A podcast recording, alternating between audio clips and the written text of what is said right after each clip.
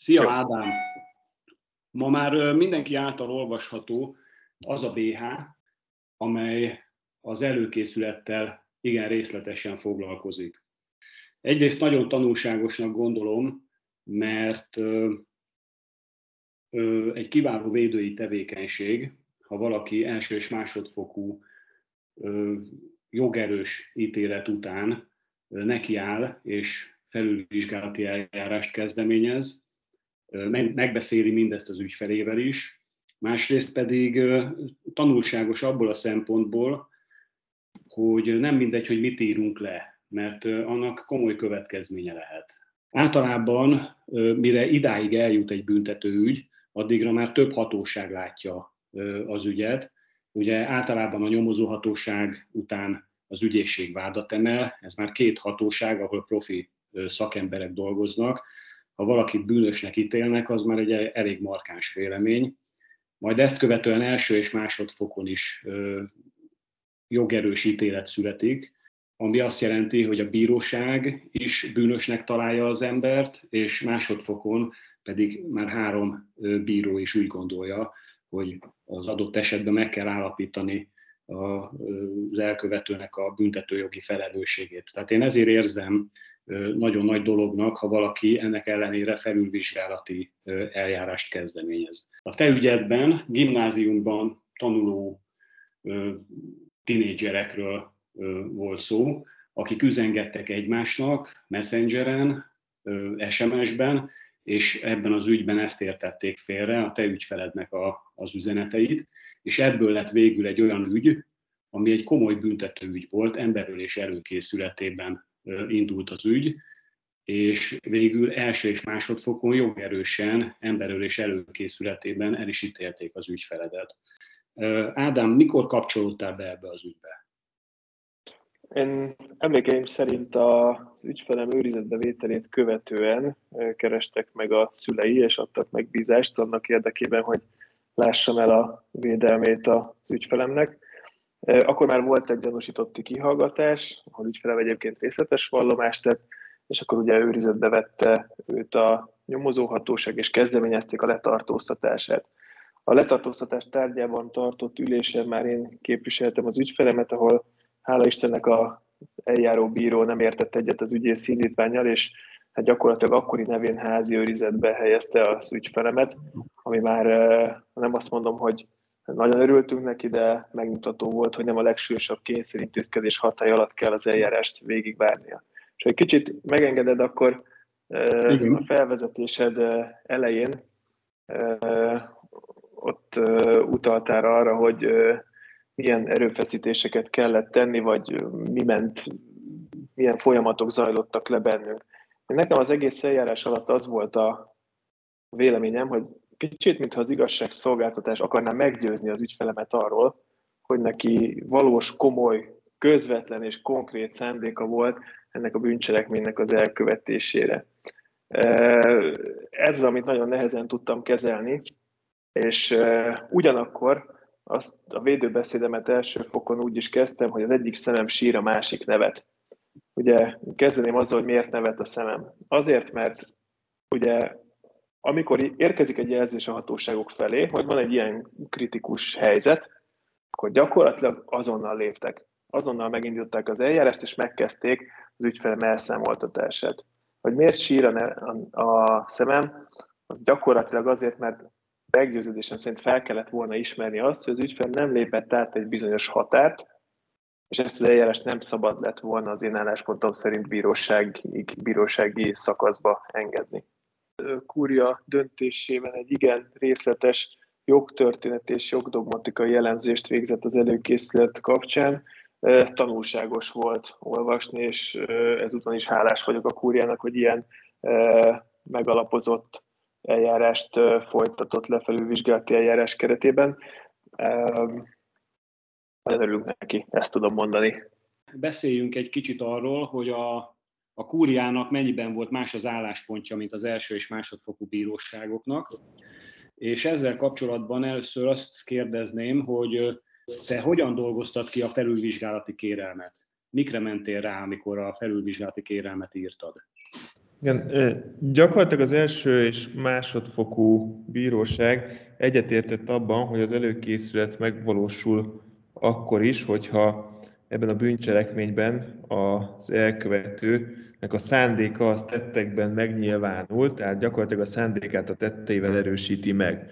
Ugyanakkor én azt kértem számon az első és másodfokú ítéleten is a kurjai felülvizsgálatban, hogy igen ám, de konkrét előkészületi magatartást nem állapítottak meg.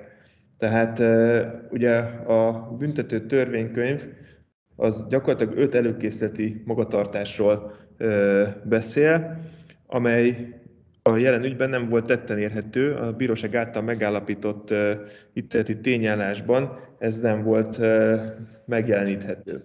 És ezzel értett egyet a kúria, amikor a döntésében ugye azt mondta, hogy a bűnösség megállapítása törvénysértő volt, mert a bíróságok nem állapítottak meg egyetlen előkészleti magatartást sem, illetőleg az ölési szándék nem volt konkrét, a bűncselekmény elkövetésnek lehetősége nem volt közvetlen. Ugye itt egy eltérő értékelést alkalmazott a úrja, mert az első és másodfokú bíróság azon az állásponton volt, hogy az ölési szándéka az én ügyfelemnek konkrét volt, komoly volt, a közvetlenség az, az ugye vitatott, hogy az mennyire szükségszerű egy ilyen esetben. Itt nem volt egy egységes a joggyakorlat, viszont a kúria kiemelte, hogy már pedig igenis közvetlennek kell lennie, hogy a bűncselekmény elkövetésnek a lehetőségének. Mondja. Arra is, ugye, hogy a büntető törvénykönyv felsorolja taxatíve az előkészületi eh, magatartásokat, eh, gyakorlatilag ezzel, eh, hogy úgy mondjam, elfogadva az én védő érvelésemet, hogy hiába nyilvánul meg a gondolat tettekben, vagy, vagy kinyilvánításban, ugye ez így hangzik gyakorlatilag, hogy a gondolat kinyilvánítása az, ez az, amivel megjelenik a, a külvilágban a, a, adott esetben az elkövető szándéka. Ez, ha nem teszünk mellé egy előkészületi magatartást, amit a törvény meghatároz, akkor nyilvánvalóan nem beszéltünk előkészületről. Igen, pont ezzel kapcsolatban lenne még kérdésem, hogy a tudattartalom vizsgálata perdöntő volt a kuria álláspontja szerint, és hát ezekben az ügyekben nyilván perdöntő a tudattartalom vizsgálata. Ezt te hogy végezted el, és hogy végezte el a kúria? Tehát hogyan tudták következtetni az ügyfelet tudattartalmára? Hogy itt gondolok arra, hogy, hogy az üzeneteket kellett-e vizsgálni, vagy a tanúknak a meghallgatása volt ebben a szempontból jelentős?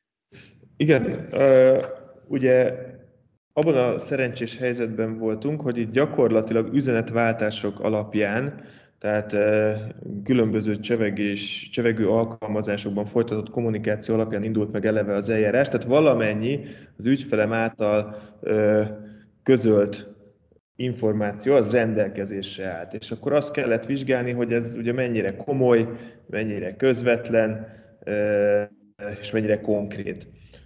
Az én álláspontom az volt, hogy és sose hittem volna, hogy védőként az emojik történetét fogom elemezni, és ennek a kialakulását fogom fejtegetni egy jogi beadványban, de ez történt, mert amikor az ügyfelemnek kommunikált, akkor a legtöbb esetben ezt a sírva nevetős smiley-t, emojit használta, és én hivatkoztam arra is, hogy nyilvánvalóan ezzel is azt mutatja, vagy arra azt törekszik éreztetni az iskola társaival, hogy ezek nem annyira komoly gondolatok, csak foglalkoztatja ez a kérdés őt. Ugye egy, egy, egy fiatal, aki keresi a helyét a világban, sok impulzus éri, akár a híradásokon keresztül, vagy más forrásokból, és bizonyos kérdések foglalkoztatják. Nem csak a iskolai tömegmészárlások gondolata foglalkoztat őt, hanem számtalan más teológiai, biológiai, és még sorolhatnám, hogy milyen gondolatai voltak. Egyébként nagyon értelmes fiatalemberről beszélünk. A iskolai pedagógusi vélemények szerint egy, egy, egy igen széles érdeklődési körrel bíró fiatal srácról volt szó, van szó, és gyakorlatilag tehát nem szűkíthető be az ő érdeklődési köre az ilyen hogy is mondjam, durva esetkörökre. Igen, mert ezt olvastam én is az ítéletben, hogy az üzeneteket a kúria is elemezte, és arra jutott, hogy a, az emberölési vágyairól szólt az üzenet, és olyan szófordulatokat használt, hogy jó lenne, és mi lenne, ha mi lenne, ha az iskolába. Igen. És így a, arra a megállapításra jutott a kúria, hogy az ölési vágy az önmagában nem szolgálhat alapul az emberölés előkészületének megállapíthatóságához. A... Igen. Igen, mondjad. Szélsőséges példákat hoztam fel én is, és nem biztos, hogy ez komoly uh, szándékot takar, ez lehet egy, egy, egy, egy rossz vicc is, különbséget kell tudni tenni egy komoly gondolati közlés, egy szándék közlése között, és egy, egy elméleti síkon felvetett gondolatkör között, én azt gondolom. Igen, és gondolom annak is jelentősége lehet, hogy egyébként általában milyen a felek között a kommunikáció. Most a, magán a vizsgált eseten túlmenően is, vagy a vizsgált beszélgetésen túlmenően is, ha a felek között a kommunikáció általában olyan szavakat tartalmaz, amelyek terhelőek lennének adott esetben, akkor nem lehet szerintem sem azt az egy esetet kiragadni, ami, ami mondjuk büntetőeljárás alapját képezi, ha előtte éveken keresztül ugyanilyen stílusban és szavakkal kommunikálnak egymás között, és most ez nem szoros értelemben erre az ügyre gondolok, hanem úgy általában véve, amikor a tudattartalmat vizsgálni kell. Abszolút igazad van, hiszen nem hagyható figyelmen kívül az sem, hogy milyen közegben milyen megnyilvánulást tanúsít valaki, és igenis ennek is vizsgálattárgyát kellett, hogy képezze, hogy az ember a barátai ismerőség körében nyilvánvalóan adott esetben más stílust üt meg, mint hogyha például nem is tudom, vizsgázik, érettségizik, szóbeli vizsgát tesz, vagy állási interjú van, és, és sorolhatnám a példákat, mert nyilvánvalóan ez sem hagyható figyelmen kívül. És a, a kúria még arról is beszélt, hogy, az ember, hogy nem is az emberölés előkészületéről, hanem csak így általában véve az előkészületi cselekményekről, hogy itt az előkészületnél van-e valamilyen összefüggés azzal, hogy a bűncselekmény elkövetésének a, a közvetlen lehetőségét is vizsgálni kell-e, vagy, vagy hogyan értékeli ezt a bíróság az előkészületi hát, cselekményeknél?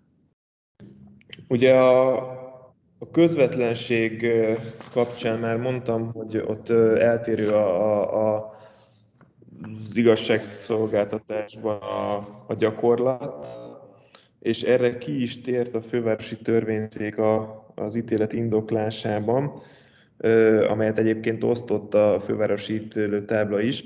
Tehát igazság szerint nem is, nem is feltétlenül a, a, közvetlenséget kellett vizsgálni, hanem inkább a komolyságát és a konkrétságát, mert ugye itt több bírósági határozatra, eseti döntésre hivatkozott mind az első, mind a másodfokú bíróság, és azt a következtetést vonta le a hivatkozott bírósági határozatokból, például a fővárosi ítélőtábla, hogy a, ugye eltérő az értékelése, hogy az elkövetési magatartásnak közvetlennek kell lennie, vagy elégséges annak közvetett a célzott bűncselekmény elkövetésének a feltételeit, akár közvetetten is elősegítő jellege is. És a másodfokú bíróság itt erre az utóbbi álláspontra, hogy elege a közvetett eh, jelleg is. Tehát azért mondom, hogy ez, ez eh, még a jelen ügy elbírálása során sem volt teljesen egyértelmű, és én nem is erre helyeztem a hangsúlyt a felülvizsgálatban, hiszen én elfogadtam azt, hogy mondjuk ezt a, a, a közvetlen, közvetett jelleget eltérően értelmezi a, a, a joggyakorlat. Én próbáltam a, a szándék komolyságát vitatni, illetőleg, illetőleg a konkrétságát, és ez gyakorlatilag a kúrián ezen érvelésemnek helyt adtak. Még nagyon jó az ítéletben szerintem a, az, hogy az előkészületi magatartások közül a vállalkozik jelentését mélyebben megvizsgálja a kúria, és elég konkrétan állást foglal ebben, hogy pontosan mit kell érteni ez alatt. Igen, ez a, a, a kúriai ítéletnek ugye a, az egyik elvi tartalmát képezte, hogy a vállalkozik előkészületi magatartás az, az azért kapcsolódik más személy magatartásához is, és nem pusztán egy egyoldalú kinyilatkoztatás. Ennek én nagyon örültem, mert ugye az első és másodfokú eljárásban az is felmerült, hogy itt nem kell konkrétan a más felhívására vállalkozni, hanem ez egy egyoldalú nyilatkozat is lehet, és ezt rögzítette a kúria, hogy már pedig ez szükségképpen kapcsolódik más személyi magatartásához. Igen, és a végén szerintem, amit még érdemes megemlíteni, hogy a kúria miért nem értett egyet azzal, ami ebben az ügyben történt, mégpedig az, hogy bíróság elé állítással indult az ügy, és nem volt általános értelemben vett nyomozati szak. Igen, hát ez az, amit én is sérelmeztem, és ezt egyébként már a másodfokú bíróság, tehát az ítélő tábla is én azt gondolom, hogy értette, hogy mi volt a, a, a védelem aggája a bíróság elé állításával, a bíróság elé állítással, noha ugye akkor az első fokon eljárt fővárosi törvényszéknek nem volt más lehetősége, mint le kellett tárgyalni az ügyet. Azt fel lehet vetni, és el lehet gondolkodni azon, hogy mivel az ügyfelem kényszerintézkedés hatály alatt volt, és gyakorlatilag így lehetett a lehető leggyorsabban befejezni az eljárást, hogy ha ezt az oldalát vesszük, akkor talán szerencsésebb, hogy bíróság eljárítás keretében bírálták el az ügyet. Ugyanakkor azt mondta a kúria, hogy ez egy olyan bonyolult ügy, tehát túl azon, hogy a terhetnek a büntetőjogi felelősségre nézve nem volt beismerő vallomása, de egyébként magának az esetnek az elemzése, az értelmezése, a jog, jogirodalmi álláspontoknak a, az, akár az ütköztetése, ez egy olyan bonyolult és komplex feladat, amire egy bíróság eljárítás keretében nem biztos, hogy, hogy, hogy kellően föl tud készülni erre, akár a vád, akár a védelem, vagy akár az eljáró bíróság is. Igen.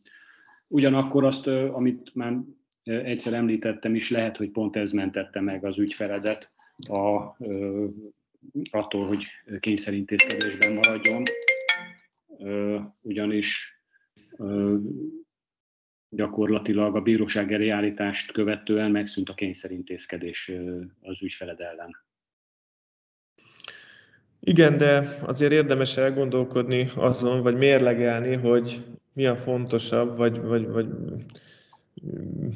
kinek mi a fontosabb, inkább így mondom. Az, hogy most ne értse félre senki, de hogy egy összecsapott eljárásban bűnösnek mondják, mondanak ki, és azt mondják, hogy elkövettem egy igen komoly bűncselekményt, viszont hamar szabadulok az akkori nevén házi őrizetből, vagy egy alapos eljárás követően felmentő rendelkezés születik, és ki tudja, én gyanítom, hogy a, ezen utóbbi esetben sem biztos, hogy az ügyfelem az végig kényszerintézkedés hatája alatt lett volna. Igen. Köszönöm szépen az interjút. Akit érdekel ez az ügy, és el szeretné olvasni, az a jogkódexben megtalálja a BFV római 2-es 224 per 2019 per 5-ös számú jogeset, úgyhogy akit az előkészület mélyebb elemzése a kúria részéről történt mélyebb elemzése érdekel, az ezen a számon megtalálja. Jó van, köszi Ádám. Köszönöm szépen a lehetőséget.